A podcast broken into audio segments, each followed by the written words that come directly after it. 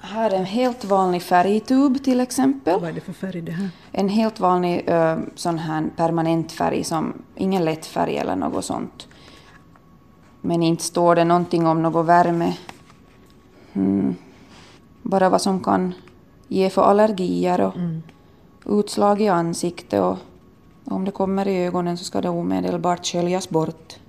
Avsedd för användning på personer under 16 år ska man inte. Nej, precis. Man ska inte vara under 16 år. Man ska inte vara under 16 år mm. när man använder färgen. Jag gjorde också en snabb koll bland produkterna i en butik. Det står om åldersgräns på de flesta förpackningar på utsidan, men alltså inte på alla.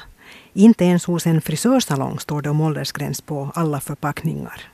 Här, här, har, no, här har vi blondering, blonderingsburken i handen och, och den, är, den är ju den starkaste av allt. Liksom. Man kan, blondering är, är den som öppnar hårstrået på snabb tid och får bort färg från håret. Då. Står det någonting om åldersgräns på den här? Mm, nej, inte på burken. Det kan stå på något, något bruksanvisningar som kommer med. Frågar du av kunden, om det är en ung kund som kommer, hur gammal den är?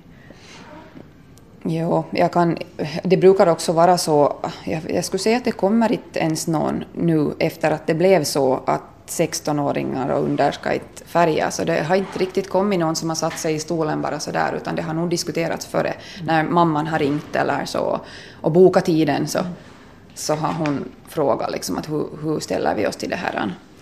Och, och det där, då har jag sagt att jag vill helst inte sätta någon hårfärg i håret. Uh, måste jag göra det för att hon säger att jo, hon tar ansvaret på sig som mamma.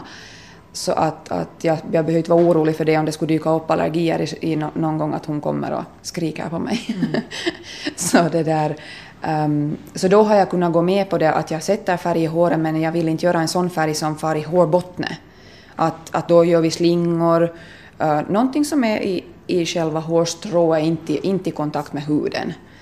Så på det viset har vi, har vi gått framåt sen med att flick, flickorna, oftast är det ju flickor det, som vill ha i sina långa fina hår någon färg, så på det viset har vi löst det.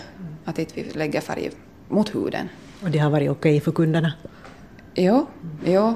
Det, alltså de här unga flickorna då så har, har riktigt varit nöjda och glada. Att det, det har varit en, en, bra lösning. Hellre det än att man inte alls får färg, brukar de kunna säga.